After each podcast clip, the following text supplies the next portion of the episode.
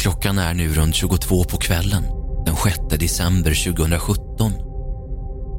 Peter och Emanuel har duschat och bytt kläder. Tobias har lämnat kolonistugan några timmar tidigare och har inte kommit tillbaka. Peter ger nu Emanuel orden att han ska ta med sig Magnus och fixa honom. Han ska dö nu och kroppen ska styckas. Tillsammans med Emanuel tvingas Felix att leda ut Magnus och placera honom i baksätet. Färden ska styras minst en timma norrut.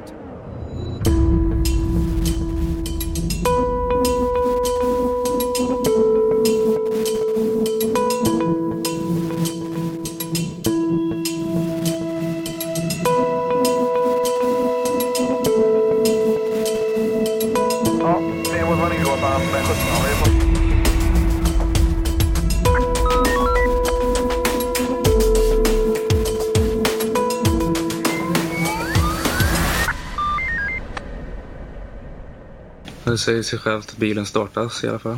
Eh, Bara upprepa, vilka är ni som är i bilen? Det är jag vid förarsätet. Emanuel på höger passagerarsäte fram och Magnus sitter bakom Emanuel. I bakre högra passagerarsätet. Jag körs därifrån och jag vill påpeka återigen att jag har inget lokalsinne över Göteborg eller någonting. Eh, kan inte Göteborg.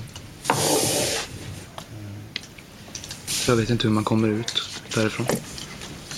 Emanuel dirigerar mig vart jag ska köra. Och eh, det enda egentligen kännetecknet som jag kan där och då säga att det här är något jag vet om, det är Angeredsbron. Eh, idag vet jag att vi var på E6 på väg mot Oslo. Men där och då visste jag knappt vart vi var på väg, förutom åt Oslohållet som jag ibland såg på skyltar. Jag visste inte vad Uddevallabron var för någonting när vi körde över den. Jag visste, såg bara en stor bro. Jag har aldrig varit i de här trakterna i hela mitt liv, så vitt jag kan minnas. Det körs i bilen. Emanuel och Magnus eh, röker på cannabis. Jag röker cigaretter i bilen. Som sagt, jag dirigeras vart jag ska köra. Jag tror att radion är på. Emanuel och Magnus skrattar stundsvis med varandra. Eh, Emanuel säger till Magnus att jag och han, att jag och Emanuel är Säpo-agenter av något skäl. Jag har ingen aning varför. Eh, Eh, Magnus säger att vi inte är det. Självklart är vi inte det. Eh, Magnus håller fram den ståltråd han varit bunden med. Han hade den på sig. Varpå Emanuel ber honom att byta säte eller säger till honom att sätta sig bakom mig istället. Stundvis fortsätter de att skratta med varandra. Jag kan inte riktigt säga över vad. Men jag vet att Magnus vid ett tillfälle... Jag sitter nämligen tyst mestadels. Jag är inte inblandad i konversationen. Jag säger ingenting. Jag är helt apatisk kan man säga. Magnus pratar med Emanuel och säger att jag är den bästa inneboende han någonsin haft. Han komplim- ger mig komplimanger. Jag säger ingenting. Han säger, Magnus säger därefter förlåt till mig.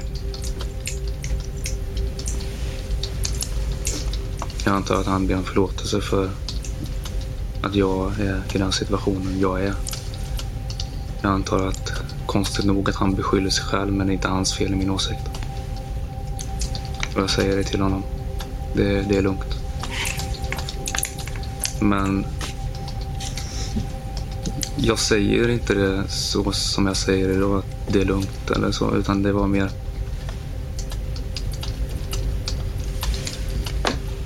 Jag vet inte hur man ska beskriva det. Var...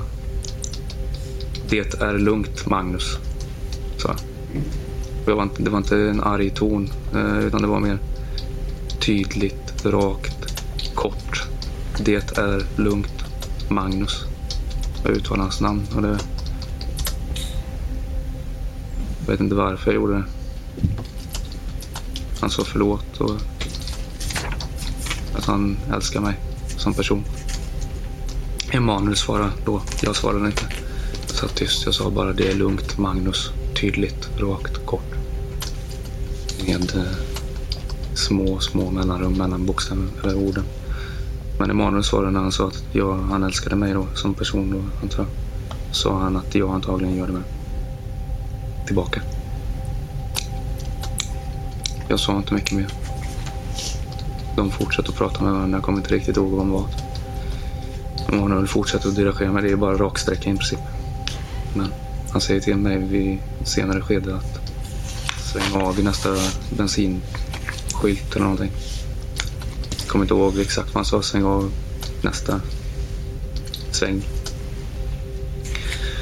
När vi väl kommer till den svängen så svänger jag inte av bara för jag missade det. Minns jag. Jag minns att i bilen så... Ibland så bad de mig köra fortare för jag körde väldigt sakta. Och vid ett skede så de till mig att köra saktare för jag körde för fort enligt dem. Jag anpassade mig efter dem. Eller Emanuel. Jag visste ju inte vart vi var på väg.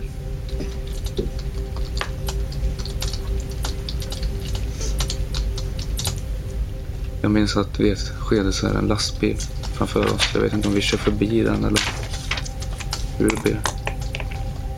Men jag minns att jag tänkte att kör jag in i lastbilen nu så kan det sluta här. Jag vågar inte köra in i lastbilen. Jag att jag kunde kvadda bilen så går det inte att åka längre. Det görs inte. Till slut så kommer jag över Uddevallabron och en sväng därefter. Jag vet inte, vid ett tillfälle så svängde vi som sagt in på en bensinmack på hans bevåg då. Jag, jag flera gånger sagt att jag inte vet om det är före eller efter Uddevallabron men idag antar jag bara att det är efter Uddevallabron bara för att jag har åkt den vägen eh, in till Göteborg med häktespersonal eh, stundsvis av olika anledningar. Eh, till P4, P7, jag vet inte vad, mindre sinnesundersökning. Även när jag skulle åka till eh, en annan plats i Göteborg. Eh, och då satt jag aktivt och försökte hitta bensinmacken längs vägen men jag hittar inte den.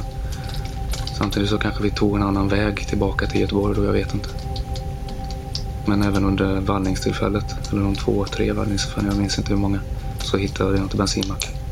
Så jag antar att den är efter Uddevallabron.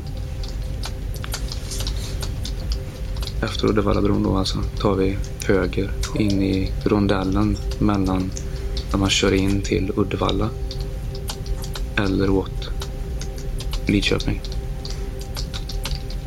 Eller Lysekil. Jag vet inte, jag brukar säga fel på dem. Jag vet inte om det är Lidköping eller Lysekil som ligger åt väst. Eller om det är åt öst. Men vi kör alltså, så vitt jag minns, vi kommer in i den här rondellen.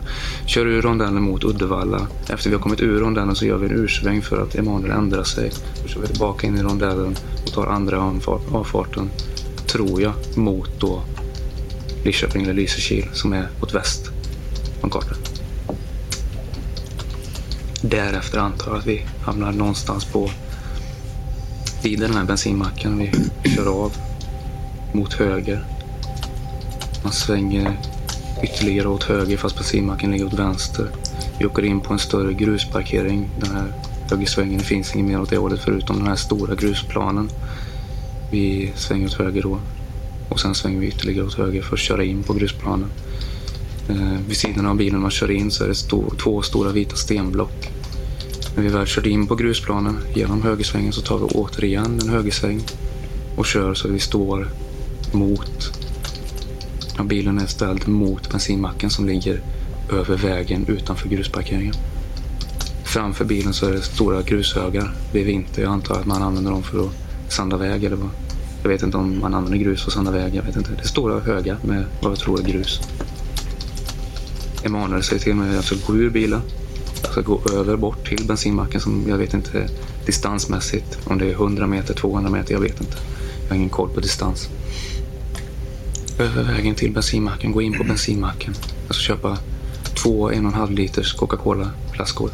Sen plastflaskor stora. Tömma dem, gå ut och fylla dem med bensin. Sen ska jag komma tillbaka. Vid ett senare tillfälle så berättar han att det var för att antända kläderna som Magnus bar. I alla fall, jag går ur bilen. Först så frågar jag Emanuel vart nycklarna var. För jag tänkte att jag kunde ta nycklarna och gå till bensinmacken och inte komma tillbaka till bilen. Han sa att du behöver inte nycklar för att stänga av bilen. För att det var en sån ny, så pass ny bil att man trycker på en knapp för att starta och stänga av bilen. Så han sa att jag inte behöver nycklarna. Och det liksom satte min tanke ur spel kan man säga. För det hängde ju lite på det här med nycklarna. Jag går ur bilen. Bilen är fortfarande på. Jag stänger bildörren. Jag står där och stirrar mot bensinmacken. Jag ser ljusen av bensinmacken.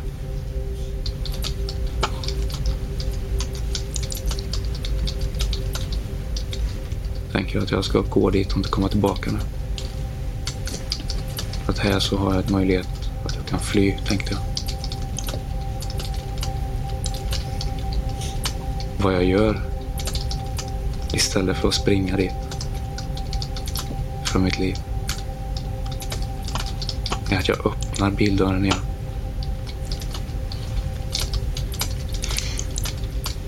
Jag tittar på Emanuel. Och så be berättar jag för honom att jag tänker fly nu.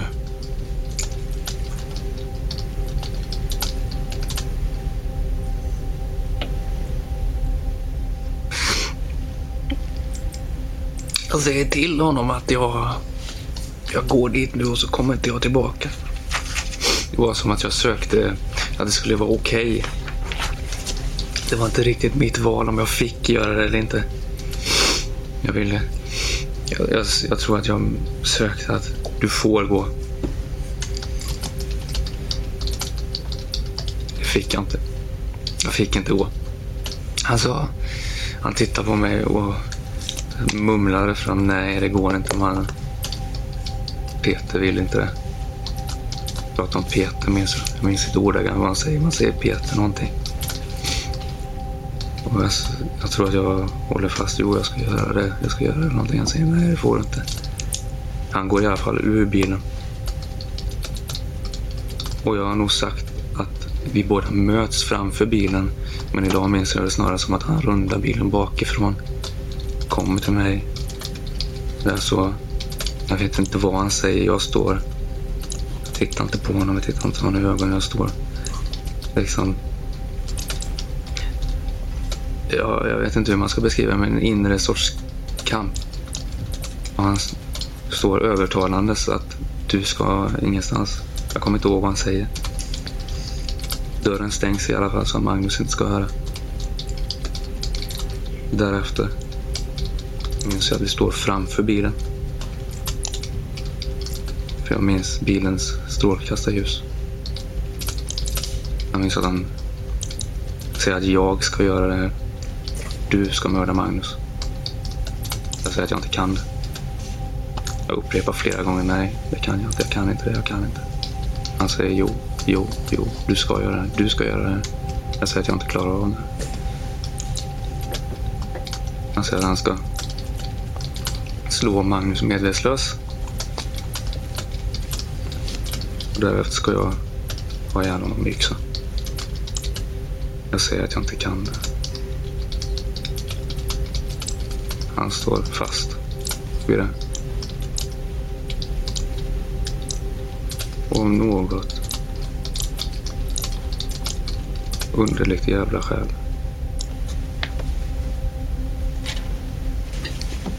Sätter jag mig i bilen igen.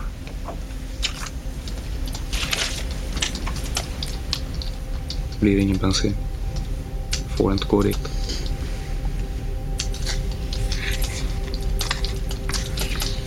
Han dirigerar mig ut. Kör si, kör så. Jag har ingen aning vart vi är. Jag har aldrig varit där förut. Jag, jag vet inte vart vi ska. Kör dit. Kör av här. Parkera här.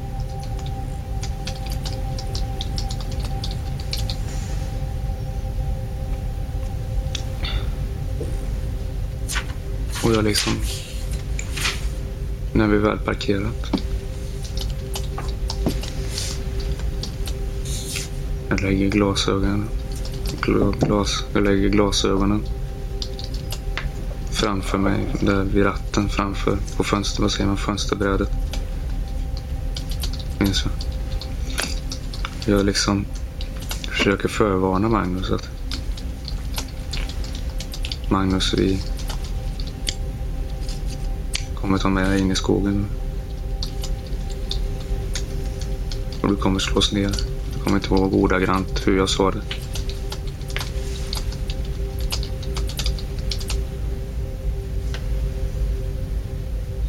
Det går så ut bilen. Jag vet inte om Emanuel öppnar dörren först och att jag därefter öppnar dörren. Det är tydligt vad som ska ske. Han går mot bagaget. Han öppnar bagaget. Jag mot bagaget.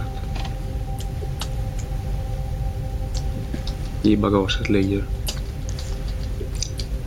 påsen med påsarna och yxan i. Han har tänkt ta upp den.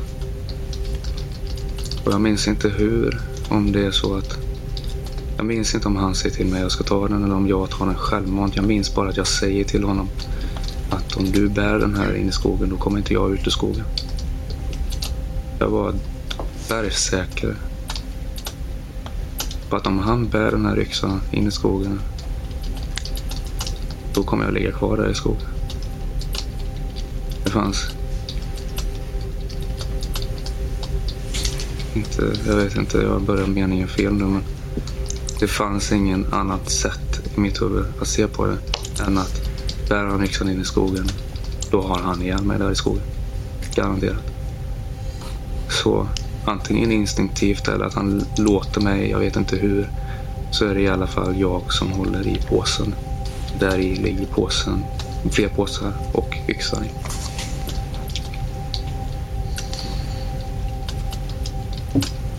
Jag vet inte om Magnus själv öppnar dörren eller om Emanuel öppnar dörren till Magnus eller om jag öppnar dörren till Magnus. Jag minns inte. Jag minns bara att Magnus kommer ur bilen. Vi står parkerade på högersidan av vägen. Vi alla tre går över vägen. Emanuel först. Han leder mig och Magnus. Stundvis går jag framför Magnus, stundvis går jag bakom Magnus. Och det är inte av en speciell anledning utan det bara blir så.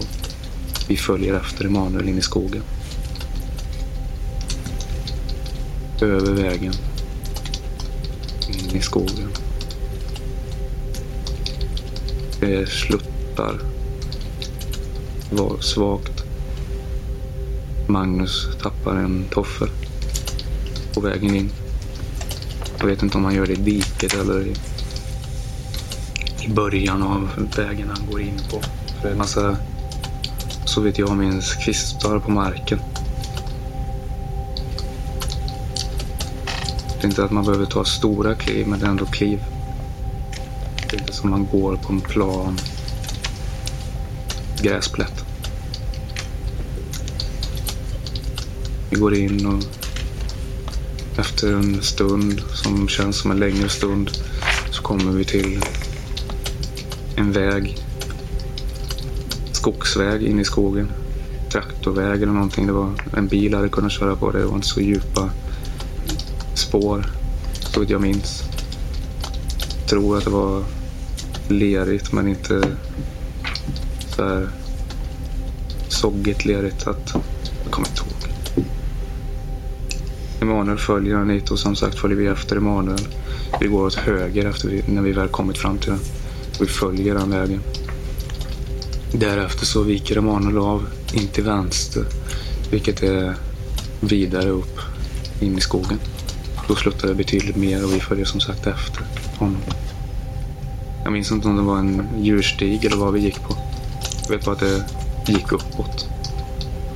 Hur mirakel att Magnus ens kan gå. Jag vet att han stundvis frågar alltså, vad, vad vi gör där. Varför vi är där. Vart ska vi? Och jag frågar också liksom, till Emanuel. Kan vi inte, alltså, räcker det inte här? Jag, alltså, jag och Magnus. Vi vädjade till honom. Kan vi inte stanna här? Han sa nej, vi fortsätter, vi fortsätter. Går uppåt, uppåt och jag behöver aldrig, nästan till aldrig så vitt jag minns, stötta Magnus. Att han, han går själv. Jag går själv. Emanuel går själv. Kommer till några större stenblock som vi klättrar upp på för att komma vidare i terrängen. Och efter, kort därpå så kommer vi till en sluttning. Eller en, en, en avsats efter avslutning. Att det blir plant och det var liksom öppet. Och inte för mycket träd runt omkring. Det var en öppen plats.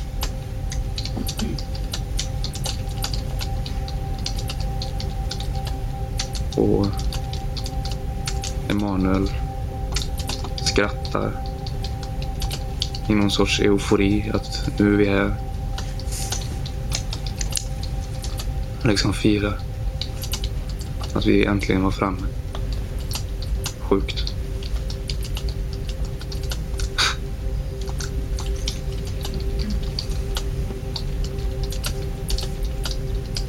Jag tror han säger till mig att lägga ifrån mig påsen.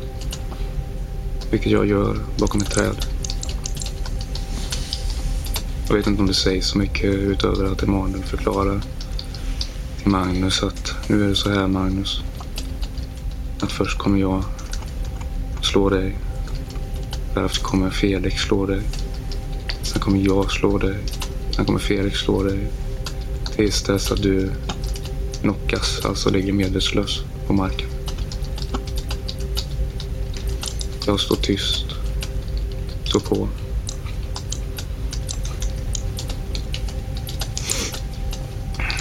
Och Emanuel han laddar för att slå Magnus. Och Magnus höjer armarna för att skydda sig själv.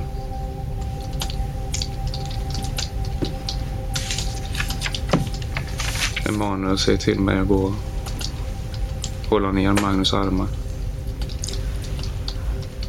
Jag går och ställer mig bakom Magnus. Och Magnus sänker sina armar och ger dem till mig. Jag behöver inte hålla om dem. Möjligtvis rör vid dem eller nuddar dem, men det är inte att jag håller i dem.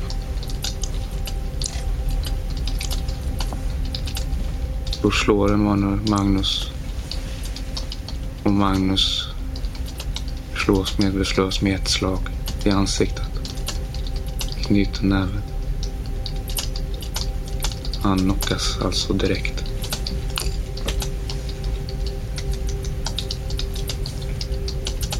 Jag står en bit ifrån ser hur Emanuel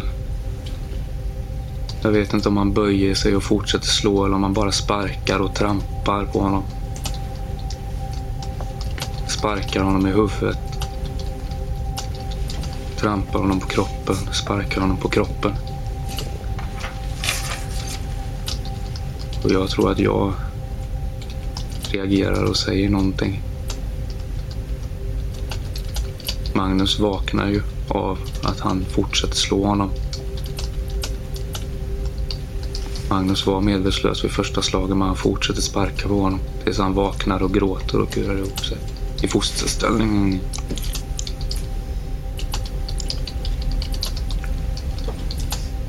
Därefter. Det var ju tydligt vad som skulle ske. Emanuel hade ju sagt det. Han skulle slå honom medvetslös. Därefter skulle jag hugga ihjäl Magnus. Enligt Emanuel. Som Peter ville.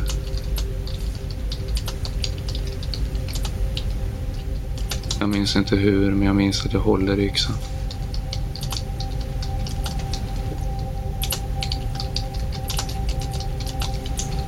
Emanuel säger någonting i stil med vänta.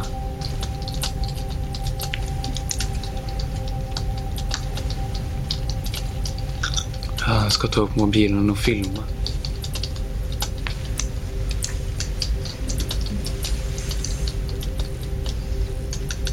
Jag skulle vänta. Magnus lägger ihop kuren på marken med ryggen mot mig. Han har händerna vid ansiktet. Och jag minns att jag inte ville skada hans händer.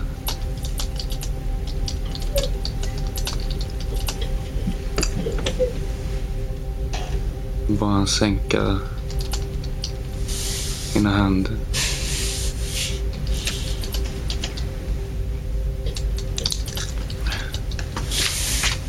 Sen minns jag inte vad jag säger. Faktiskt.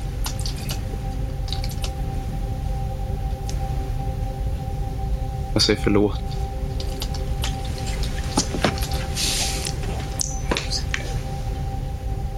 Jag tror han säger någonting att det är lugnt. Jag vet inte vad han säger. Han säger något tillbaka. Jag minns det som att det var det är lugnt eller att det är inte mitt fel. Jag minns inte. Jag säger förlåt. Att jag inte har något annat val. Att jag måste göra det här.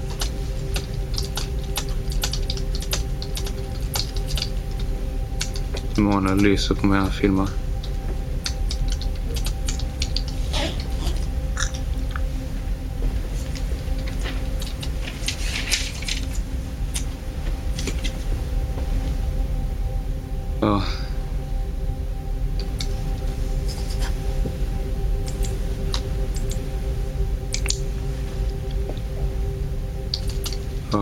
Magnus i huvudet.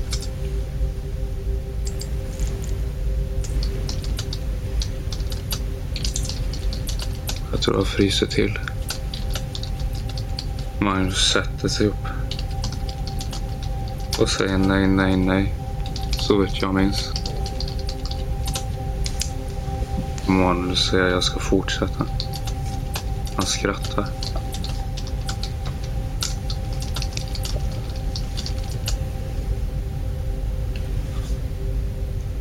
Magnus reser upp och säger nej. Emanuel säger att jag ska fortsätta.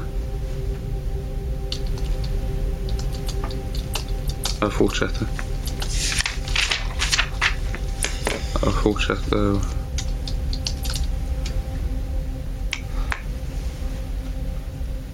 Jag vädjar till Emanuel att Magnus är död. Men han ber mig att fortsätta ändå.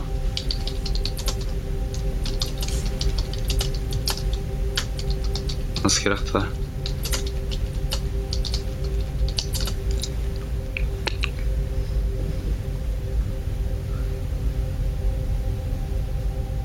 Jag är täckt i blod. Ja. Blod överallt som ber mig fortsätta.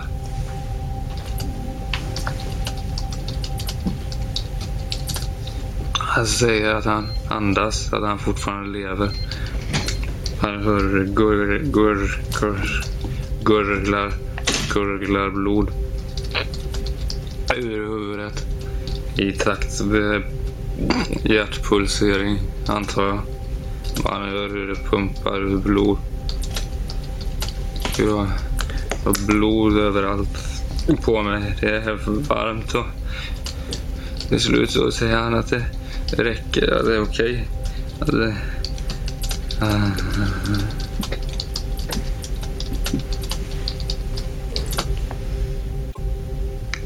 Till slut så behöver jag inte fortsätta. Han ska ta Magnus kläderna. Han säger till mig att lämna ifrån mig yxan fast han stänger av filmen och sätter ner den i sin ficka och vi står där i några sekunder. Och minns inte vad som sägs fram och tillbaka.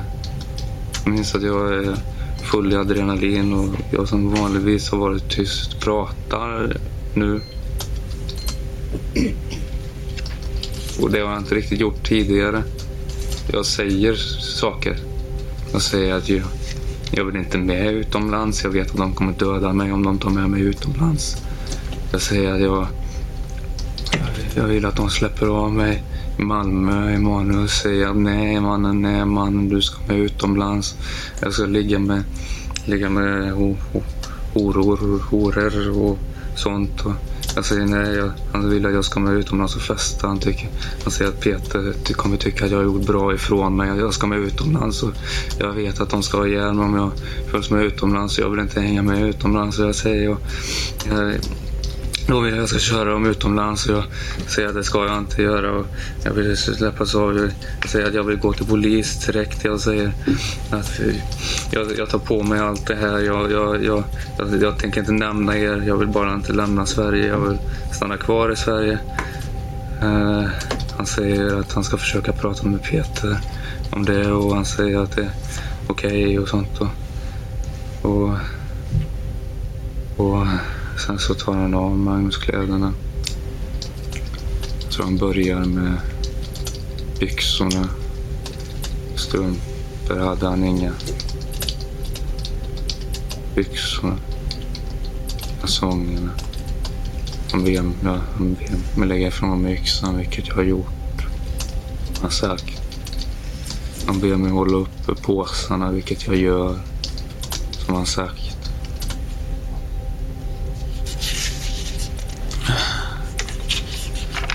Jag har en bit av Magnus hjärna på min jacka.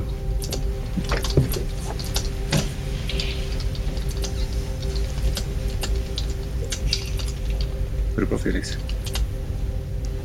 Och Går det bra? Går det bra?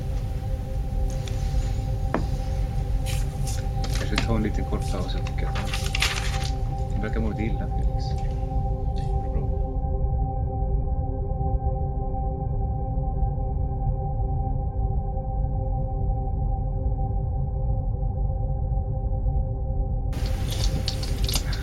Magnus klös av helt naken.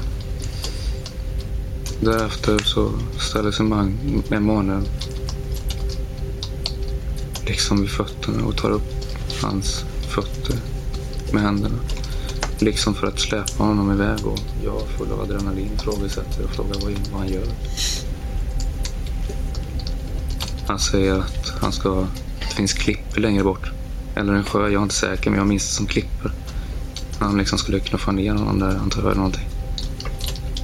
Men det lät så konstigt så jag tror jag ifrågasatte det. Jag är ändå full av adrenalin. Tidigare har jag varit tyst men nu är det som att jag kan tala. Jag vet inte hur man ska beskriva det.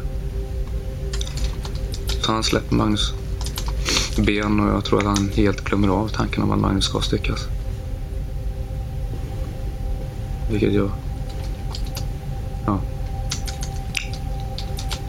Därefter gås det i alla fall ner från kullen. Magnus ligger kvar där, naken. Ryggen uppåt. Magen neråt. Han styckas inte. Han grävs inte ner och han bränns inte.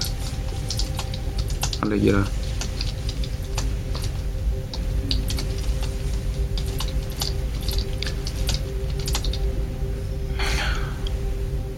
På vägen ner. Jag har helt glömt att säga det. Men jag har sagt till både Tobias och Manuel under dagen. Jag tror eventuellt även Peter. Att om ni ändå ska mörda mig så skjut mig två gånger i bröstet. Det här nämner jag i alla fall igen för Emanuel på vägen ner. Och han säger du om jag ska döda dig då skjuter jag dig i bakhuvudet. Jag går bakom Emanuel på vägen ner. Jag har eh, yxan i händerna och han har Påse med kläder. Vi kommer ner Fortsätter till bilen. Till baksidan av bilen. Som sagt så är jag, jag har blod över hela mina händer, överallt. Jag har nu på mig min jacka som Magnus hade på sig innan. Den fick jag tillbaka från Magnus när vi hade klivit ur bilen. Initiellt. Han öppnar bagaget eftersom jag har blod på händerna som sagt. Han tar fram in sin sportiga bag där det finns ombyten men det blir inte om utan han tömmer ut allt som ligger där i på insidan av bagaget. De ombyten som låg i det var de kläder jag hade tagit på mig för att gå till skolan.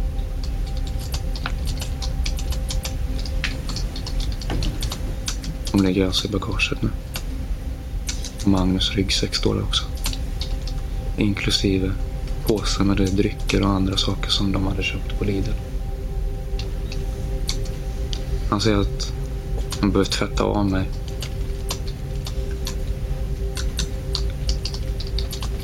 Det gör han med någon dryck som låg i den påsen. Han häller över mina händer. Jag tar av mig jackan. Han lägger först ner, jag tror han först lägger ner påsarna i... Påsen med påsarna och kläderna i din sportiga bag. En större sportbag, sån gymbag. Där lägger han först ner kläderna. Därefter lägger jag ner yxan. Därefter ger jag honom min jacka som han tränger ner över allting. Och sen stänger han vägen och lägger tillbaka den in i bagaget som han stänger. Jag kavlar upp mina ärmar på min blåa DVD-tröja. Min favorittröja. Helt orelevant, förlåt.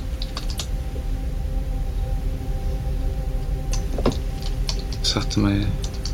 Jag minns att före allting läggs in i bagaget igen så körde förbi en bil. Från det hållet vi hade kommit. Mot det hållet som bilen, vår bil stod parkerad. Och vidare åt det hållet. Därefter så läggs det in i bagaget. Jag sätter mig... Sätter mig... Förarsätet. Manuel i passagerarsätet bredvid fram. Han ber mig vända bilen. Jag försöker vända bilen. Vägen är inte tillräckligt stor för att göra en helursväng. så bilen står halvt mot skogen. Därefter börjar jag backa och sedan svänga igen, vilket jag gör. Kör tillbaka samma väg vi hade kommit. Han dirigerar mig lite hur. Han dirigerar mig lite hur. Så. Jag minns inte att jag säger så mycket. Jag minns att han håller i den mobilen han har använt tidigare. Jag minns bara att jag frågar vems mobilen var av någon anledning. Och han svarar, vill du verkligen veta det? På ett lite hotfullt sätt. Och jag vill inte veta så mycket mer. Jag vill inte ha mer information som... Jag vet inte hur jag ska säga det. Jag vill inte ge dem än mer anledningar att ha ihjäl mig. Jag vill inte bära på mer information som de kan vara oroliga över. Om man säger så. Jag säger nej, okej, okay, whatever. Jag vet inte vad jag säger. Kör vidare. Han säger någonting med... Jag kommer inte ihåg vad han säger. Men så att vi kör över en mindre bro och han hade sagt något i stil med att det skulle slängas av och jag frågade är det den här bron eller nästa? Eller den större? Och till slut så kommer vi till den större bron som är Uddevallabron. Och i södergående riktning så parkerar vi vid sidan på hans direktiv. Han går ur. Eh, jag går ur. Och det enda jag egentligen gör det är att slänga över mina skor över bräcket. Min ena sko flyger tillbaka på där vi står parkerade så jag tar upp den och slänger den en gång till. Sen sätter jag mig i bilen igen. Och klär, och klär av mig kläderna. Helt. Tror förutom kalsonger, jag är inte säker. Jag Kanske till och med tog av mig kalsongerna. jag vet inte. Sockar och allt i alla fall. Tog av mig. Byxor och allt. Emanuel slänger över väskan över Uddevallabron fast jag minns inte om jag ser det eller inte ser det. Jag minns inte. Jag ger honom mina kläder som han slänger över. Eller så är det så att han sätter sig i bilen efter han har slängt över sina skor, tar av sig kläderna han med. Och sen slänger han över sina kläder, skulle han göra, men han slänger över mina byxor tror jag som man ser. De fastnar och liksom antyder att jag ska klättra över räcket och tar ner de byxorna. Men jag stirrar, stirrar apatiskt på honom. Alltså jag, jag hade ingen reaktion, jag hade inget att säga. Och han säger bara att han inte ska göra det. Jag tror inte jag säger någonting, jag vet inte. Jag kanske säger okej. Inget görs. Han, det blåser för mycket. Jag vet att han kastade över transportbägen i alla fall. Och gjort ett försök med mina byxor. Då. Jag kommer inte ihåg resterande klädesplagg och vilka som slängdes över eller inte slängdes över. I alla fall så gav han mig annat ombyte från bagaget och då gav han mig inte de kläderna som jag hade haft på mig tidigare under dagen. Utan han ger mig Magnus kläder. Magnus eh, är mycket mindre än jag så kläderna satt väldigt tajt på mig. För tajta byxor, för små byxor. För liten tröja. Jag kan inte knappt byxorna. Inga sockar. Själv tar han på sig vad jag antar är mina kläder eller något han har haft med sig. Jag har ingen aning. Sen så säger han till mig att fortsätta köra, vilket jag gör. Han ber mig svänga av för att han vill hitta soptunnor och slänga kläderna i. Svänger av. Letar efter soptunnor, hittar inga soptunnor, kör en bit. Kör längs med någon väg som vi sedan vänder vi på hans direktiv och åker tillbaka samma väg vi kom. Han ber mig köra ut på den vägen vi var på tidigare, E6 alltså. Att köra mot Göteborg men det finns ingen skylt som det står mot Göteborg på. Den står bara E6 på en skylt. Och han då ber mig att köra på E6. Vilket jag gör. Sen antar jag bara att han tappar tålamodet längre fram angående de här kläderna. Så han ber mig köra in till vägen. Då är det någon sorts räcke längs vägen. Jag kommer inte ihåg om det var i sten, metall eller ur. Men jag vet att vi hittade samma räcke under en vandring senare. Jag insisterade att vi skulle söka vidare och hitta det.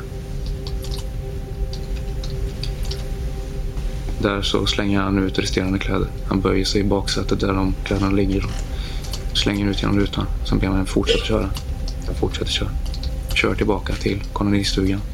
Jag hittar som sagt inte han dirigerar vägen. Kommer ur bilen efter vi har parkerat på samma parkering vi stod på innan. Inga skor, barfota. Han hade sockar på sig i och för sig. Minns jag.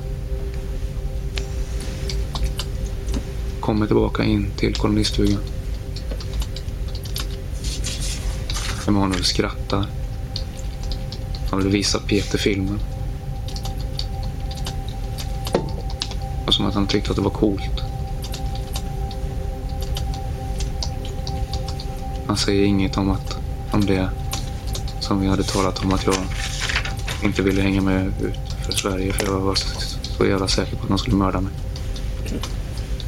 Han nämner inte det ens. Han säger till Peter att eh, vi ska åka nu liksom. Peter låg och sov på marken. Eller på golvet. Ove sitter vaken med Lucy i knät i sin säng. Peter säger till Emanuel att uh, rulla två joints, vilket Emanuel gör. Peter vaknar till. Jag, och jag tror även Emanuel, får skor utav Ove. Det är inte jag som ber om det. Jag vet inte vem det är som ber om det.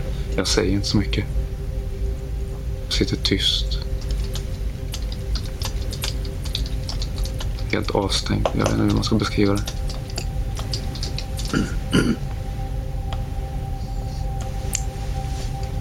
leds i alla fall. Just det. Ja, Peter och Emanuel och Ove pratar innan de går. Eller Peter pratar med Ove och säger att han ska gömma mobilen. Med filmen i. Ove säger att han ska ge den till en väninna som är en bra vän till honom.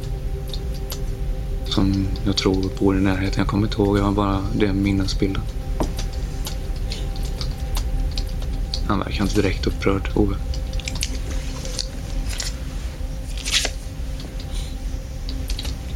Peter heller obrydd. Han har legat och sovit. Han vet precis vad som har hänt.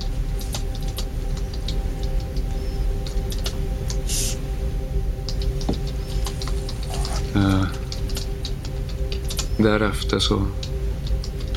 Det har nämnts hela dagen lite att man ska åka till Amsterdam, Italien, Spanien.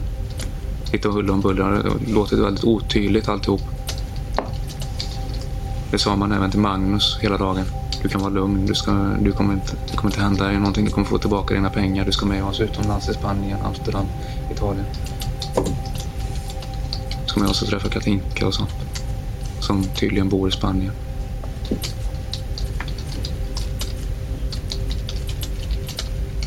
Det säger man även då till mig. När man väl säger det till Magnus. Man säger det till oss båda. Men i alla fall, innan vi då går därifrån eller att jag tas med av Peter och Emanuel. Och säger Peter till Ove att då ses vi i Amsterdam då. På Coffee House, jag vet inte, jag kommer inte ihåg. Och det lät jävligt absurt i min värld för det... Det finns där jävligt mycket Coffee House i Amsterdam. Så det var väldigt ospecifikt, odetaljerat. odetaljerat. Och de pratade om flygbiljett och någonting, jag vet inte.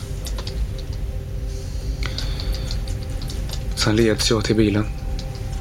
Peter och Emanuel går någon meter framför mig. Kollar bak och viskar och tisslar och tasslar med varandra. kollar på mig. Jag går helt levande död i princip. Jag vet inte hur man ska förklara det.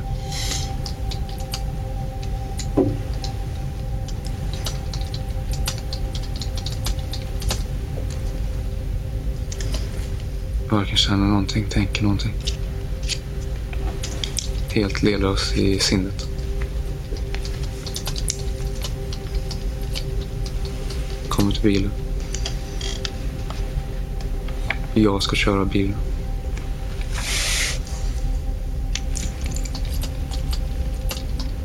Peter sitter i passagerarsätet i fram. Audin. Och Emanuel i bak. Har jag för mig. Men jag är inte säker.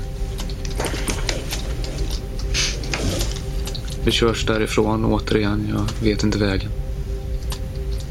Kan inte området på det, den plan. Det enda jag kan i Angered egentligen det är vägen till skolan. Från där vi bodde. En fem minuters gångväg. Det är allt jag kan. Resterande områden har jag ingen aning om. De dirigerar kör hit, kör dit, kör hit. Just det, på vägen tillbaka till kolonistugan från skogen. Så när det bara är jag och Emanuel, jag glömde nämna det. Så kommenterar Emanuel att han hoppas att de inte behöver mörda Tobias också. Och han nämner Tobbe. Jag reagerar bara för att de har bara kallat honom Joker eller något. Jag visste inte vem Tobbe var. Han förklarar vem det var. Han säger att han har känt honom i 15-16 år. Det var ungefär allt. Sen så, då, på väg från kolonistugan igen då. Med Peter i passagerarsätet fram eventuellt och Emanuel bakom mig, jag i förarsätet i alla fall. De dirigerar mig vart jag ska köra. Så har de intentionen att köra och leta efter Tobias. Av någon anledning. De dirigerar mig tillbaka dit, ungefär där vi hade hämtat bilen initialt. Vad jag nu i senare skede förstår är vart Tobias bor. För de ber mig parkera utanför. Eh, Peter frågar Emanuel, är det där han bor och pekar upp mot något fönster? Emanuel säger ja. Peter går ur bilen och går fram mot ner, nedanför där, det fönstret. Kastar någon småsten upp. Ingen reaktion. Går tillbaka, sätter sig i bilen och instruerar mig att gå ur bilen. För på andra sidan vägen från där Tobias bodde så finns det en buske i änden av huset. Ovanpå en liten stenplatå. Bakom den här busken och de andra växterna så ligger en påse med kläder i. Du ska ta den påsen med kläder i, Felix. Du springer ingenstans. Du går med den bakom där. Alltså på innergården av där Tobias bodde. Alltså på andra sidan vägen återigen. Och slänger kläderna i de olika soptunnorna som finns där. Vad jag gör är exakt som Peter säger till mig att göra. Jag går ur bilen. Jag går mot det här buskaget. Jag klättrar upp på den här stengrejen. Går bakom busken, hittar påsen, tar påsen, går ner från den här stengrejen. Går över vägen, går in på innergården där Tobias bor och slänger i två papperskorgar som sitter längs med en lekplats där. De kläder som ligger i påsen, inklusive påsen. Sedan återvänder jag till bilen och sätter mig i bilen. Jag springer ingenstans. Jag gör precis som Peter säger till mig att göra. Därefter kör jag därifrån. På hans direktiv. Han dirigerar mig hur jag ska köra här, så, så, si. Vi kommer på motorvägen. Vi kör mot... Ja, vi kör mot Danmark, men det vet jag inte då riktigt. Jag har ingen koll på vart vi ska. Han säger olika håll hela tiden. Han säger, alltså inte olika håll i färdriktning utan snarare en hållplats. Antingen Spanien, Italien eller Amsterdam. Du ska hit med oss, du ska hit, dit, du ska dit. Jag som jag lyssnar längre jag på det. Det är gör. Jag gör som de säger bara. Lägger ingen större värdering i något.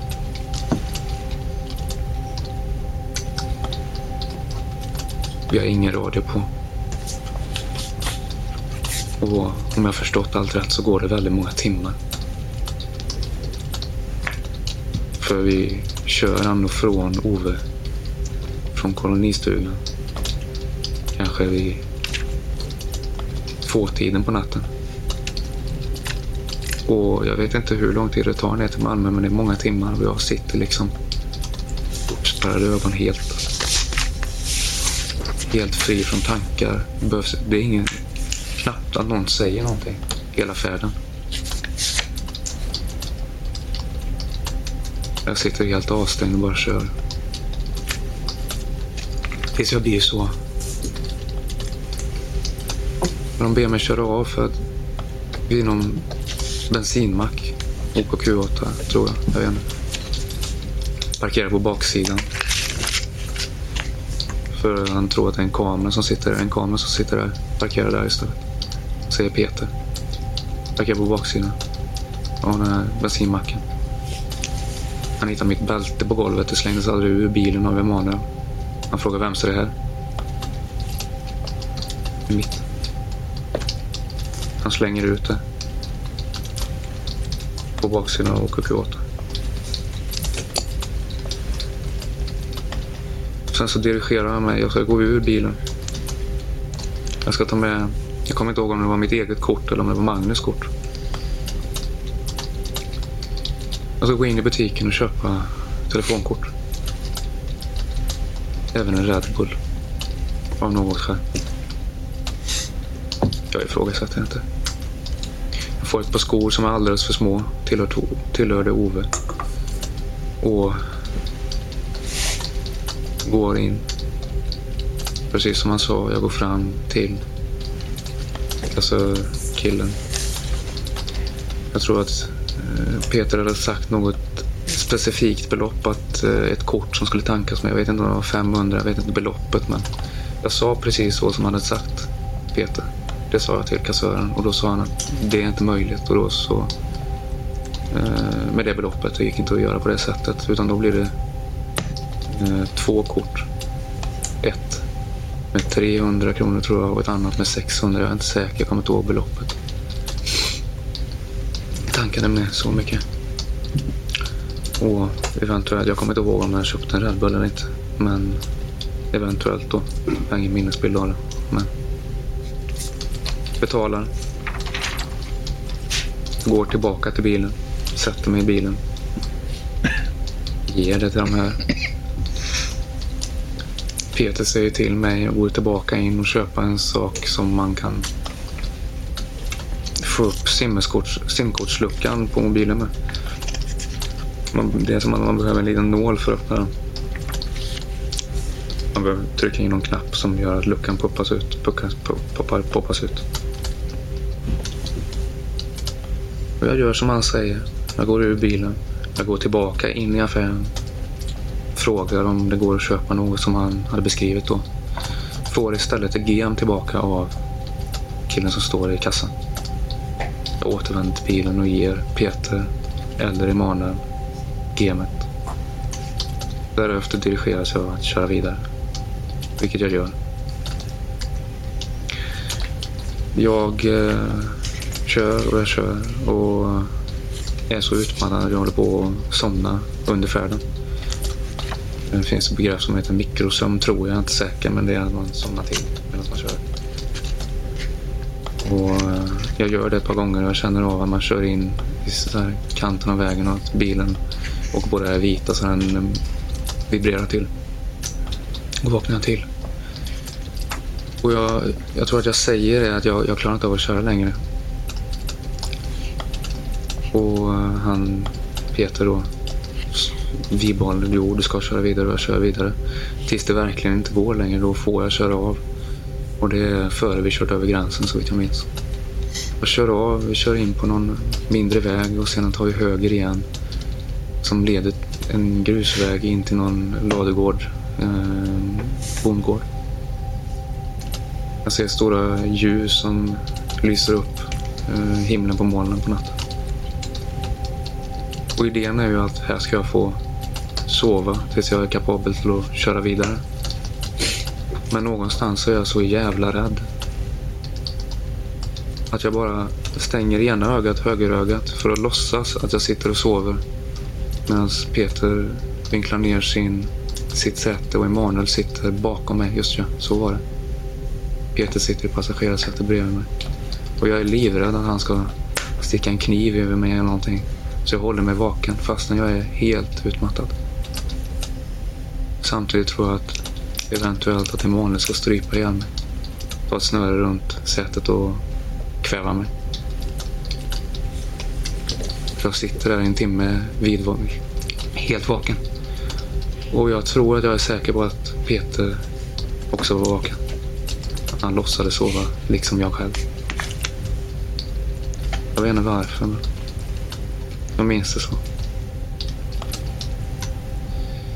Därefter startar bilen igen. Kör därifrån. Peter och de är vakna. Kör över, eller kör till den här, det kallas tull, gräns till Danmark. Och de försöker dirigera mig vad jag ska ta för det är massa olika filer man ska köra in. Antingen kör man in där, där eller där. Jag antar att det är om man har lastbil eller olika, jag vet inte. Olika sorters fordon antar jag att det är för. Och jag vet inte vad jag ska köra in i och de säger inte det förrän det liksom är för sent. Jag har kört in i någon och så säger de här ska du inte köra in. Då får jag backa ur. Backar. Och så dirigerar de mig till rätt. Kör in på rätt. Kör ända fram. De jag tror de tar över jackorna för ansikten och försöker lägga sig bakåt för att låtsas sova eller någonting. Ifall det eventuellt finns kameror. Jag vet att de gör det senare också. Ger mig kortet för att betala. Jag betalar gränsen. Den här grejen öppnas och vi kör över. Därefter vet jag inte om det är en tunnel under eller en bro eller vad det är. Vi kör på en väg i alla fall som tydligen leder in i Danmark. Jag tror att det börjar ljusna, jag är inte säker men Det morgon. Tidig, tidig morgon. Och jag är fortfarande som sagt så utmattad. Jag kan verkligen inte köra mer. Så han säger att jag får svänga av, svänga av där. Jag tror det kanske är första svängen efter man har kommit igenom den här gränsen och kört hela vägen på den här vägen. Det är i alla fall en väldigt stor fabrik och jag minns att det stod Silvia eller Silvana eller någonting på den här stora fabriken. Dirigerar mig till baksidan av fabriken, parkerar där. Och där så, jag tror Emanuel sover. Peter försöker väcka honom. Han sitter med mobilen i handen och söker på någonting. Jag, jag kommer ihåg att jag sneglade och kommer ihåg att jag där och då såg vad han sökte på. Men jag kommer inte ihåg vad det var i dagsläget. Till slut så vaknar Emanuel utav att Peter håller på honom. Och där och då så byter Emanuel plats med mig och kör bil för första gången. Där i, i, så vitt jag minns. Alltså, han körde aldrig bil före det. Heller inte Peter. Men det var Tobias innan dess. Och jag på deras direktiv.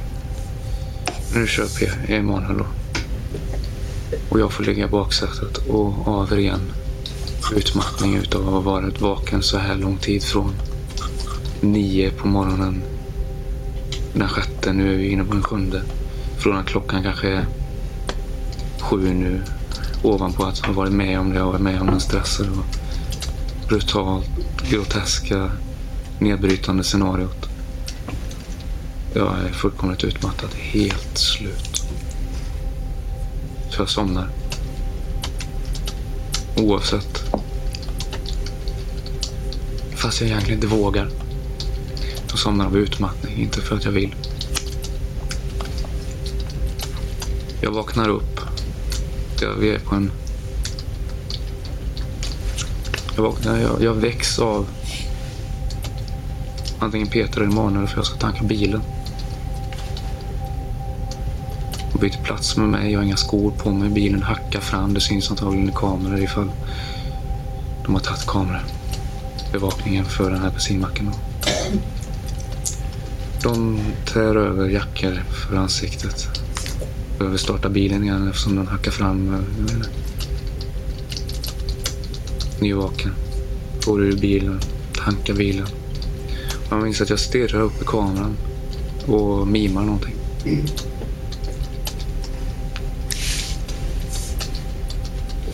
Stirrar upp i kameran i taket på bensinmacken.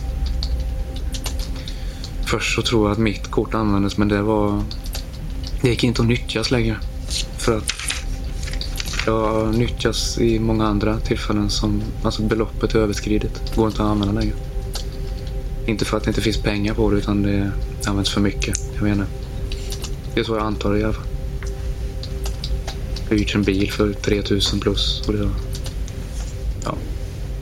Så jag tror att jag vänd, går runt bilen till förarsätet öppnar och säger att det inte går att använda. Och jag tror att Peter från under jackan sträcker mig Magnus kort, ger mig konto...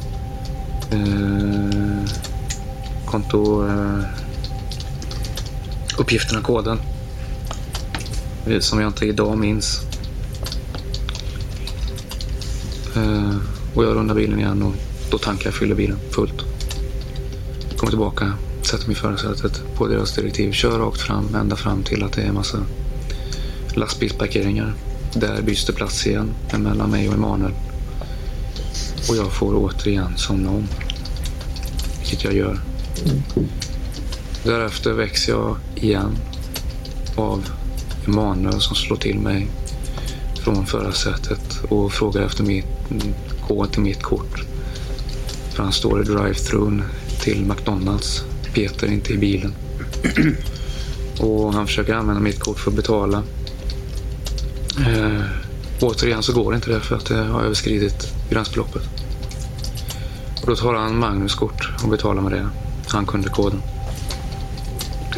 Sen återvänder Peter när Emanuel får maten. Eller när han har betalat. Och han nämner då Emanuel att han har använt Magnus kort.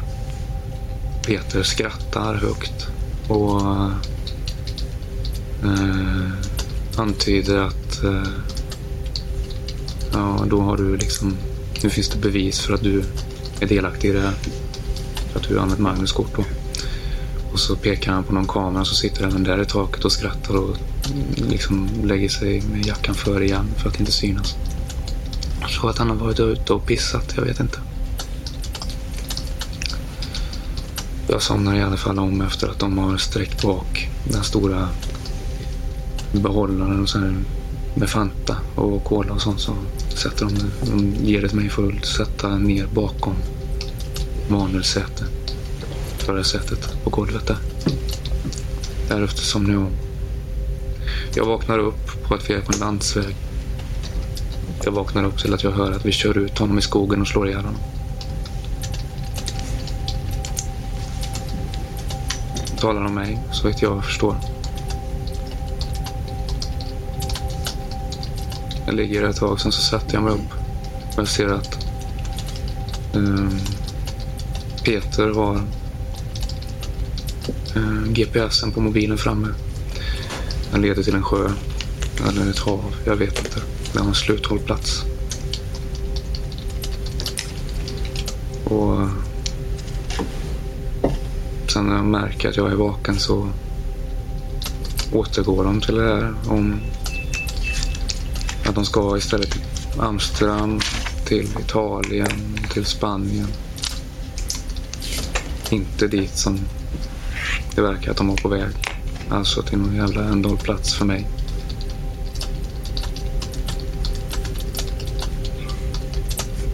Allting blev väldigt tydligt. Jag skulle dö.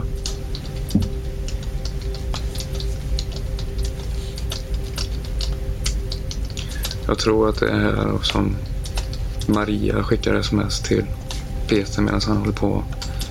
Han håller mitt kort i handen minns jag bara. Mitt kreditkort eller kontokort. Och är inne på någon sida där han scrollar med jackor och kläder och sånt. Man får sms och kommenterar det. Sträcker mobilen till mig av något skäl och säger till mig ordagrant vad jag ska svara.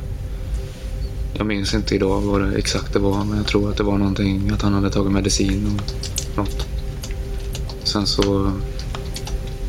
Först så slår jag på flygplansläge och gav tillbaka den utan att ha svarat det som han bad mig svara. Det var lika så som jag hade gjort i Gunnaresterrassen. Antog han kanske skulle skita i det som eh, tillfället då bilen skulle hyras. Eller bara gav tillbaka telefonen. Men nej, han... Eh, vi. Han sa att jag skulle skriva det som han gav tillbaka mobilen och sa skriv så här. Jag skrev det, skickade iväg smset, gav tillbaka mobilen. Han slog på flygplansläge och jag vet inte. Sedan fick han en sms till, gjorde samma sak.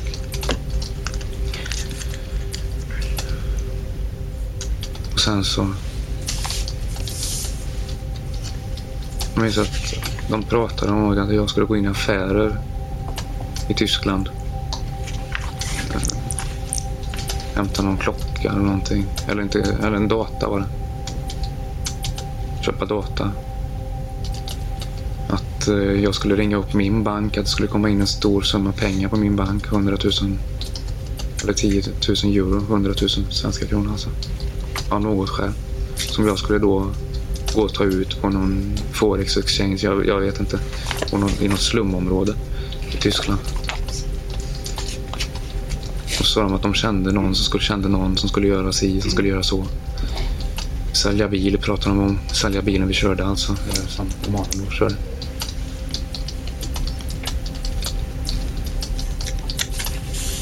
Vi är mitt ute i ingenstans. Det är ingen bil omkring. Det är hus, men det verkar inte vara någon hemma. Allt är nersläckt. Det är morgon. Eller förmiddag. Torsdag 7 december. Det låter ju lite klyschigt att säga i fjärran, men längre bort så var det åkerfält och så var det eh, sådana här stora vindsnurror, vindkraftverk. Snurrar. Trots att jag nu förstod att jag inte skulle... Alltså, alltså att jag fast, fastän jag gjort precis som de sagt. Vilket skulle få hålla mig vid liv. Enligt Peter. Trots att jag hade gjort precis allting. Så skulle jag fortfarande dö.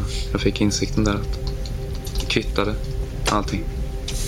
Jag skulle dö ändå. slås ihjäl utomlands. De försökte ju förskingra det som säger att det inte var så. Det sa de till Magnus med. Han skulle komma till skada. Han skulle få leva. Han skulle till Spanien, Amsterdam och Italien. Det var bara en repris precis på allt som hade hänt. Samma meningar. Och nu hade jag även överhört dem. De skulle ha ihjäl mig. Något som Magnus inte hade hört tidigare om sig. Det var aldrig ett klart hot att vi har ihjäl dig till honom. Så vitt jag minns. Utan det sa Peter till mig, enskilt, i mitt rum att de skulle mörda Magnus. På morgonen på Gunnar Östras. I alla fall. Peter pratar om något med polis. För jag, jag tror att jag nämner det här igen. Att någonting, jag, jag vet inte, jag, släppas, jag vet inte om jag nämner att släppas av just. Jag kommer inte ihåg. Jag minns bara att han säger något i stil med att vi ska hamna på samma avdelning ifall jag pratar med polis. Han ska slå ihjäl mig då. Ifall jag flyr eller då han med polis. Som sagt. Och han hade ju rätt för att nu är vi ju på samma avdelning.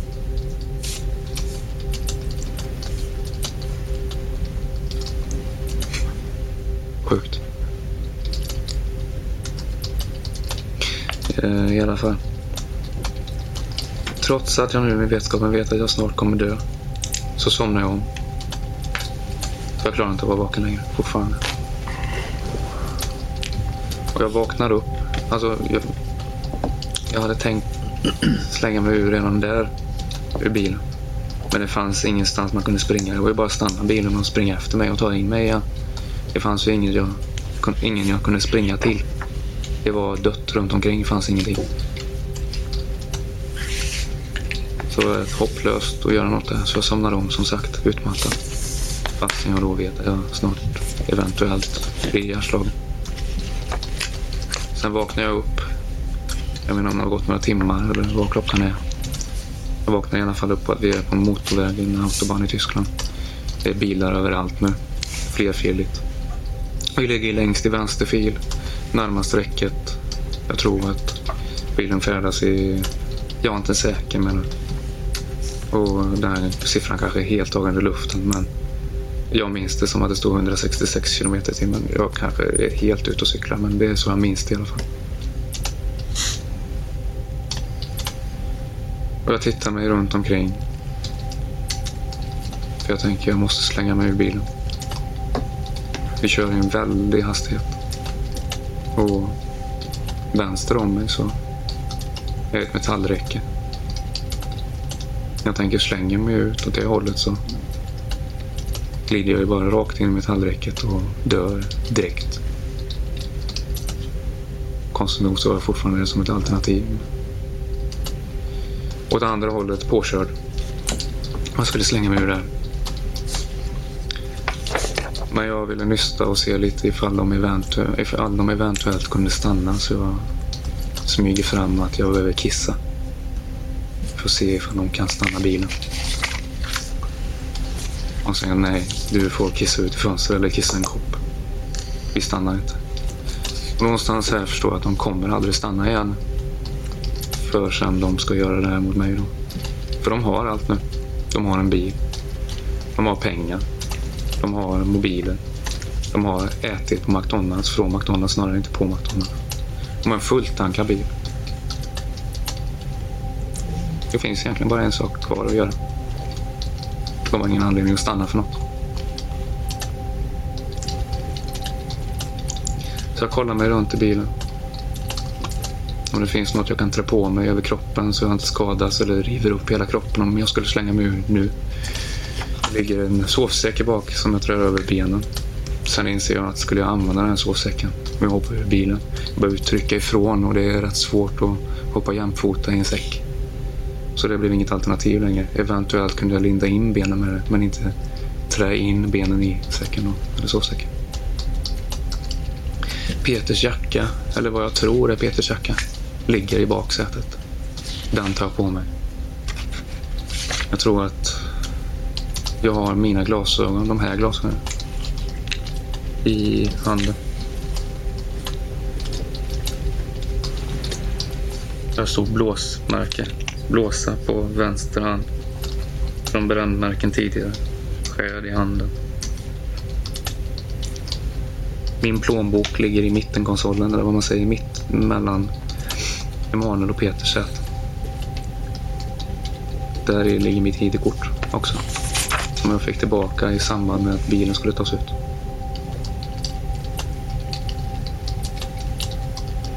Min plånbok ligger alltså mellan Peter och Emanuel. Jag vågar inte sträcka mig fram och ta den. Utan jag vågar bara ta det som ligger i baksätet. Jackan, sovsäcken. Saker de inte skulle märka eller reagera på ifall jag tog i. Jag tror till och med att Peter reagerade på jackan och jag tror att jag sa någonting i att jag frös eller någonting, jag vet inte. Och jag gjorde mig beredd för att i farten slänga mig i bilen.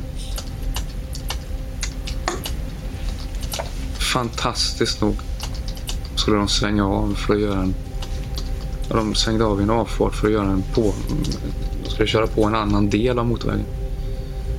En sorts motorvägsversion av en T-korsning mellan vad jag tror var Flensburg och Hamburg. Jag är inte säker.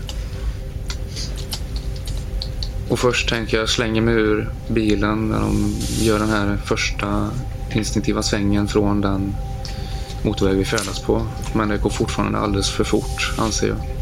Och vi svänger så jag vet inte om man talar om G-kraft och sån skit. Hur fan skulle det hända med mig om jag slänger mig ur bilen? Flyger jag tillbaka in i bilen och slänger mig då? Jag väntar tills jag kan slänga mig i bilen helt enkelt. Det är bara att han behöver aldrig stanna bilen. Han har fritt fram att köra direkt på fart in på den filen han ska göra. Vilket är först färdas vi på den här motorvägen, kör av höger, vilket svänger vänster sedan. En vänstersväng mot Flensburg och Hamburg tror jag. Han behöver inte stanna här för att han har fritt fram och köra vänster.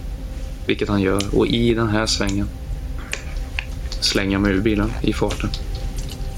Jag flyger med ryggen tillbaka på bilen. De gasar vidare, gasar på när jag öppnar dörren och trycker mig ifrån så slungas jag tillbaka på bilen och de gasar iväg. Jag landar på marken. Jag reser mig upp. Det är som, det är som att man hållit andan i två dygn. Och nu för första gången andas. Och jag är i ett fullständigt chocktillstånd. Hyperventilerar, jag haltar springandes i mottrafik och vinkar in bilen. Och stannar.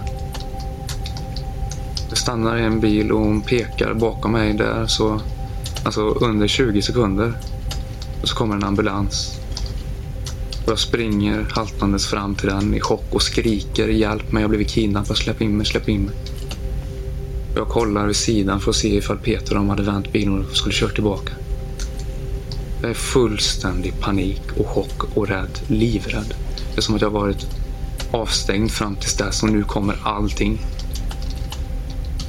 Och de öppnar dörren, jag slänger mig i princip in och säger kör, kör, kör och säger precis så att ring polis, de har kidnappat mig, de har tvingat mig att slå ihjäl min vän.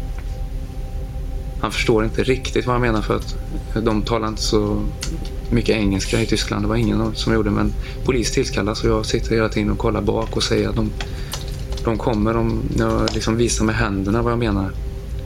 Och eh, de, kom, de skulle döda mig visar jag och jag menar, jag visar det genom att tyda med händerna som att jag håller en pistol mot huvudet med. Och polis, de, de kör av en avfart och polis tillkallas. Jag hör när polisbilen kommer men det är inte sirenerna. Jag hör bara att han parkerar en minut till och jag tror att det är Emanuel och Peter som då är på väg tillbaka. Dörren öppnas, jag är skräckslagen. Jag vill att de ska köra därifrån. Polisen kommer in. Och jag skriker, jag säger precis som det är till dem. Hjälp mig, jag har blivit kidnappad. De tvingar mig mörda min vän.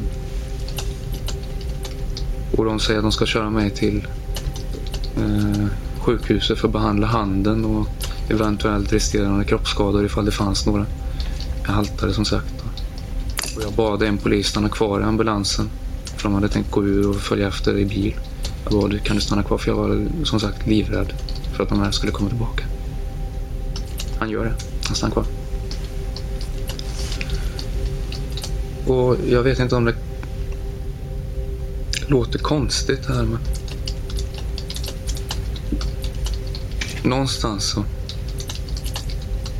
förväntade jag mig. Jag skrek som sagt hjälp, de har kidnappat mig. Jag har blivit tvingad att slå ihjäl min vän, vilket jag faktiskt anser att så är det. Någonstans där förväntade jag mig att de skulle säga till mig Felix, du är räddad, du är fri nu. Inte möjligtvis ge mig en filt och en varm kopp choklad och säga du ska bli hemkörd till min familj. Det kanske är lite väl klyschigt sagt men något i stil med det. Det var inte riktigt vad som hände utan jag kör, körde till sjukhuset. Min hands blåsa blev uppskuren. Jag blev itryckt medicin. Jag blev tvingad att gå till något rum och kissa. Jag satt i en rullstol. Och de frågade mig frågor om vad som hade hänt. Jag sa vad de här människorna som hade gjort det här, vad jag trodde de hette. Jag ena hette Peter, han såg ut så här. Och den andra hette Iman, Iman, jag vet inte vad han heter, någonting i stil med det. Den andra hette Joker, Tobbe eller Nisse. Peter hade kallat honom för Nisse vid ett tillfälle. Det sagt jävla Nisse, som jävla tomte ungefär. Och den andra hette Ove Olaf eller någonting. Och han bodde här och här, såg ut så, si. Förklarade hur alla såg ut, de här två unga poliserna som instinktivt förhörde mig då, eller bad om uppgifter. Därefter så fördes jag till polisstationen i Flensburg. Jag blev satt i ett rum för barnvåldtäktsoffer. Det var massa leksaker, leksaker runt omkring. I rummet intill så mm, förstod jag att där så satt andra personaler, personal på den polisstationen och såg in i en tv-display på det som filmades inne i där jag satt. Det var alltså en livestream ungefär kan man säga. Eh, så att de kunde stå där utanför och se på. Alla poliser visste precis vem jag var när jag kom in där. Det var en så mirakulös historia och otrolig att de alla i princip flockades och såg på det här. Då. Jag satt där och berättade allt vad hade hänt. Det tillkallades en tysk trafikpolis som hade svenskt påbrå som översatte. Och eh, jag hörde stundsvis hur de skrattade utanför i det andra rummet intill. Antagligen inte åt mig eller åt något. De kanske skrattade om något helt annat. Jag hörde bara att det bara skrattades. Likväl som jag hörde att vissa personal på sjukhuset skrattade så jag reagerade alltid på det. Så i förhörsfilmen så kanske det ibland framgår att ibland stirrar in åt vänster in i väggen och det är för att jag hör skratt från rummet intill där folk befinner sig och ser på livestream. I alla fall. Jag ber om en paus i förhöret där. Eh, eller de kanske pausar, jag kommer inte ihåg. Och jag frågar om jag får gå ner och röka en cigarett. Och jag, jag har suttit och varit väldigt saklig hela tiden, inte så emotionellt uppriven så vitt jag minns. Eh, utan nästan till apatiskt och pratat om det. Och fast när jag väl kommer ner då efter jag har fått gå på toalett och sen så får gå ut i polisens garage och ta en cigarett med den här svensktalande tyska trafikpolisen. Då brister allting för mig, jag gråter. Och sen så förs jag in igen och stänger av totalt igen, fortsätter berättelsen.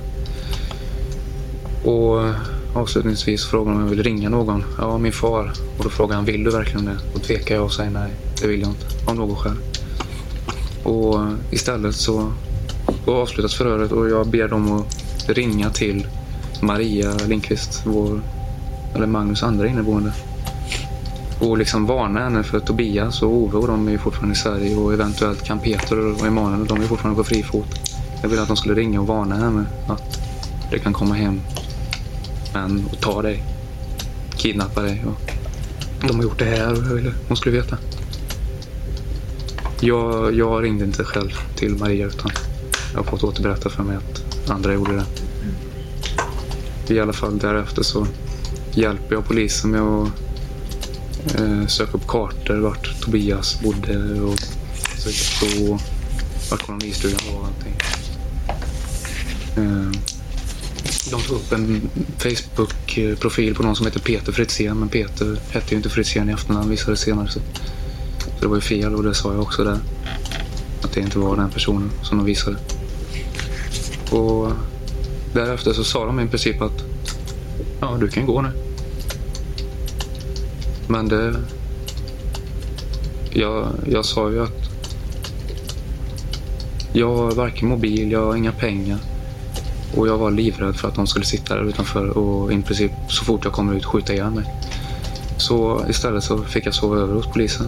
Jag vet inte om de bestämde det eller hur det bestämdes. Jag vet bara att jag sov i en cell. Ehm, förvar antar jag, jag vet inte. Och direkt när jag kom in där somnade jag. Direkt av utmattning. Vaknade till att jag skulle upp på ytterligare ett förhör med en polis som satt och sa att han trodde att jag ljög. Och jag blev förnärmad. Jag inte tyken och så. Eh, eller kaxig, utan jag sa bara det här är precis vad som hänt. Sen om du inte vill tro det, det, det är inte upp till mig. Det kommer bevisas. Alltihop. Det finns bevis som stärker allting även om de inte hittat det än. Jag sa att filmen fanns hemma hos Ove. De hittade den till slut och så vidare. I alla fall efter det här så körs jag till... Eh, jag antar att jag... Jag var ju inte gripen efter förhöret utan jag blev gripen någon dag därefter.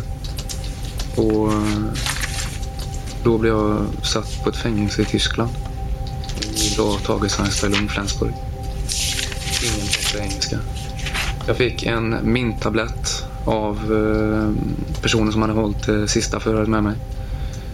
Eh, I något kult papper. Och den svenska... När vi väl kom fram till fängelset så gick vi in genom den yttre entrén, den vanliga entrén man går in i. Det var inte som någon bakentré eller någonting. Och jag liksom hukade och sprang in för jag var rädd för att jag skulle bli skjuten eller någonting på vägen in. Jag bad han skynda sig med dörren som var låst. Och jag kände mig enbart lugn när de låste dörrarna in i fängelset. Och den svenska trafikpolisen följde med mig in. Tog en cigarett på rummet. Gav mig en cigarett. De fick röka inne på rummet där. Sen låstes jag in. Och blev itryckt Valium var dag i två veckors tid. Jag fick ringa min familj vid ett tillfälle.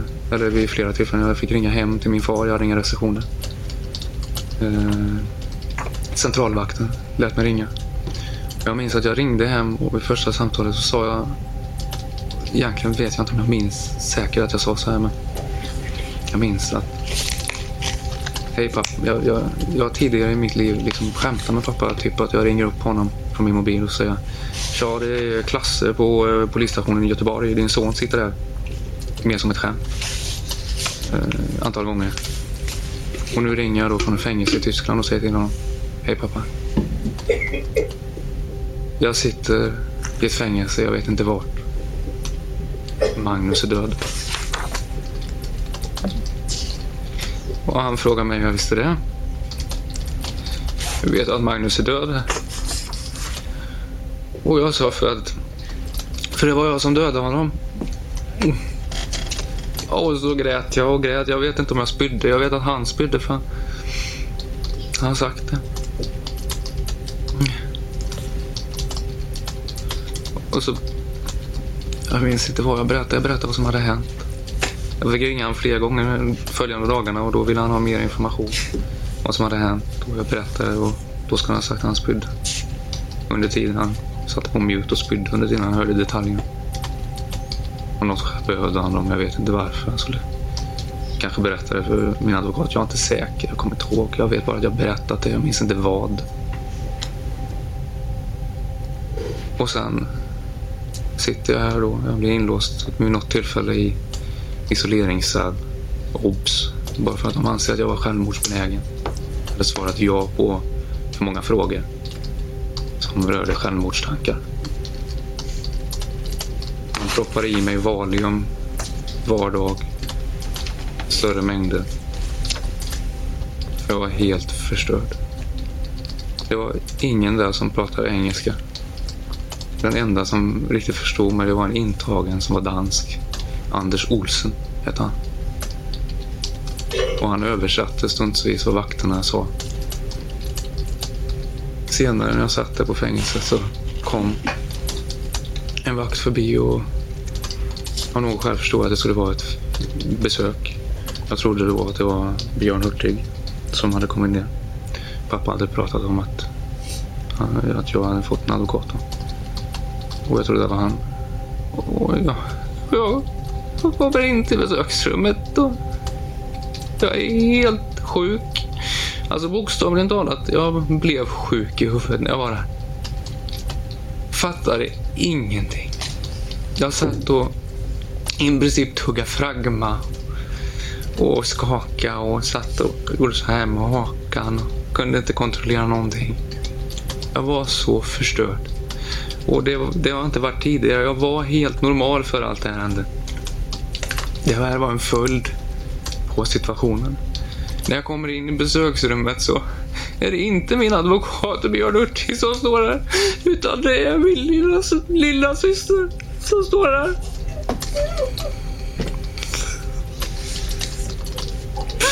Och jag har fortfarande blod under naglarna. och Blod på näsan som är kvar. Jag hade det i flera dagar.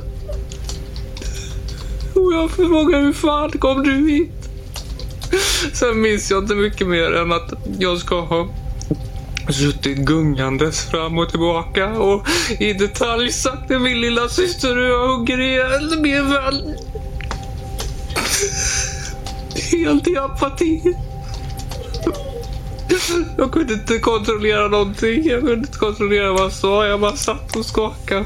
Stirrade in i väggen. Hon sa att pappa hade kört henne ner. Han hade inte sitt pass med sig så han försökte få fram ett pass från, jag vet inte om det heter utrikesdepartementet eller någonting. De hade krånglat med det. Han som skulle få ut pass eller hon. Receptionisten var sjuk så han behövde åka in till Hamburg för att fixa pass. Han skulle i alla fall försöka få fram det. Och de bodde på hotell. Och successivt så kom i alla fall min far dit. Och jag berättade samma sak för han. Jag minns inget av de här mötena. Min mamma kom dit och höll om mig. Och likadant där satt jag och helt utan spärrar talade om vad som hade hänt. Inför min lilla syster och inför min mor. Min far var mer saklig och han behövde veta vad som hade hänt. Han behövde vara någon sorts stöd i allting, sa han. Och sen låstes jag in på mitt rum och jag satt och var dag skakade av vissa, alltså ens vanliga serietecknade serier. Tom och Jerry sprang runt med någon yxa vid ett tillfälle och jag satt och skakade. Jag satt och skakade och jag satt eh, med min hand inbunden i något bandage med någon stor plastpåse för som jag skulle ha när jag duschade med alla andra som stod runt omkring.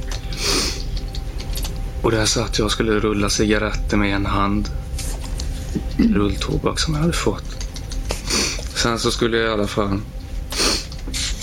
efter två veckor, jag tror det var den 19 december, föras tillbaka till Sverige då.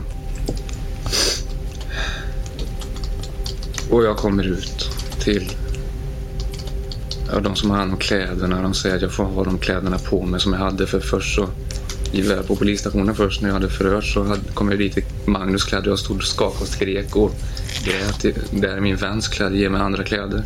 De skulle ta foto på mig och den här fingeravtrycksgrejerna. Och då fick jag andra kläder från polisen där som jag hade på mig in till fängelset och de ville ge tillbaka mig de kläderna och då sa jag det till polisen. Så då fick jag istället ha kläderna från JVA Tagesson istället och Flassburg där. Gröna kläder likadana som de har här på häktet. Jag kommer ut till de som ska transportera mig. Det är någon specialstyrkesversion av en häktespolis. Och jag ber om ursäkt för att jag ler. Jag menar inte att le. Jag vet inte om jag ler ens. Jag bara känner muskelryckningar i kinden. Han säger till mig, Felix, så här. Jag kommer in där jag spänns fast med någon annan sorts kedjefängsel. De har ju en viss sorts bältning här som man har när man ska föra transporter. Men där hade man en annan sort som var lite mer avancerad. Där står jag fastspänd.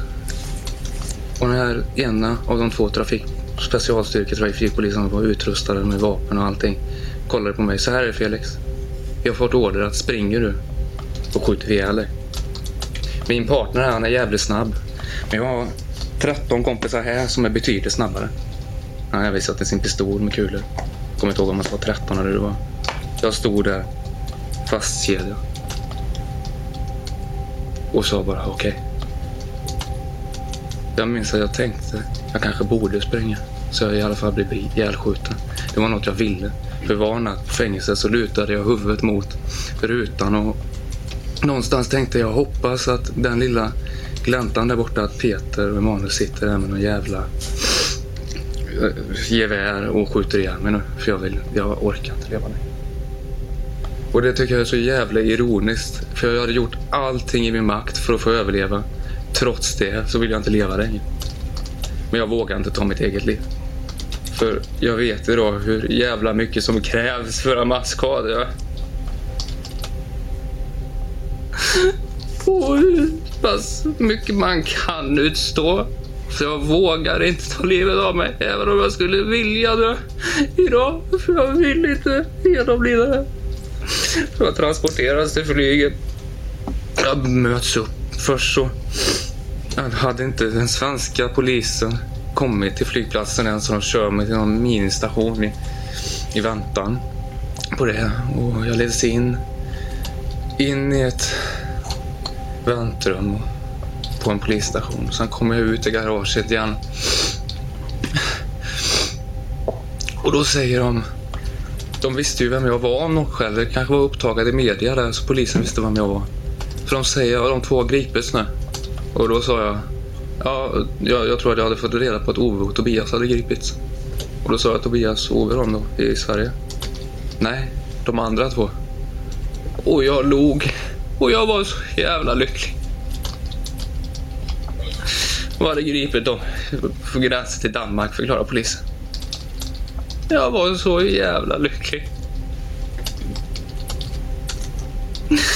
Körs i alla fall till flygplatsen, leds in i någon specialgång. Blir bemött av någon flygplatspolis med en stor jävla k-pist. Jävla automatgevär. Sätter mig hos flygplatsens generalpolis kille som söker igenom mig. Svenska polisen kommer dit, sätter sig. Pratar med mig, säger det är lugnt Felix, vi tar hem dig till Sverige nu. Tröstar mig.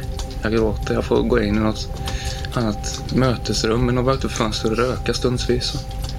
Den ena svenska polisen frågar mig, han är väldigt lugn och rar. Han frågar om jag vill ha Coca-Cola eller någonting. Nej, jag, jag minns inte om jag ville ha den inte.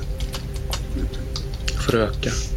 Jag blev där på planet först på av allihopa. Det var ett vanligt passagerarflyg. Jag sitter med bojor och de lägger någon filt eller jacka över mig så att det inte ska syns. För sen så fylls ju planet av passagerare. Och jag somnar med sig och jag vaknar upp att jag får mat av den här um, eh, polisen. Och jag äter och sen somnar jag om och så vaknar jag upp och passagerarplanet töms. Och sist dag blir vi då. Jag kommer fram till flygplanets bakre trapp och går ner, blir bemött av två piketpolisbussar. Jag vet inte om det var åtta poliser, det var en större mängd poliser som var på väg upp för trappan och frågar ska vi släpa med honom. Jag har inte gjort någonting. Jag har gjort som alla har sagt. Oavsett om det var Peter eller Manuel eller polis. Jag behövdes inte släpas. Jag behövdes inte... Det var så ironiskt att polis sa att de skulle skjuta mig om jag sprang. Men svensk polis sa inte det. De frågade bara om de skulle släpa mig. Var på svaret från de som transporterade mig sa nej, det behövs inte. Så jag leddes till piketbussarna. Det enda var att passagerarbussen hade inte åkt så alla passagerare på hela flyget såg mig gå ner där. Och polisen kom och tog mig och ledde mig till polispiketen. Sen kördes jag till Uddevalla häkte.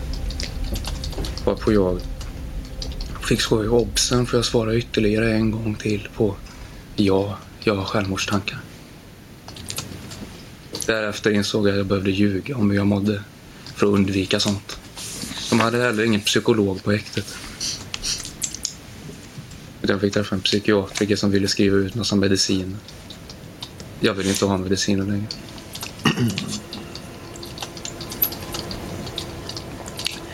Ja, jag tror det kan vara läge att avbryta förhöret och sen avslutar vi för dagen och fortsätter den första oktober. Då.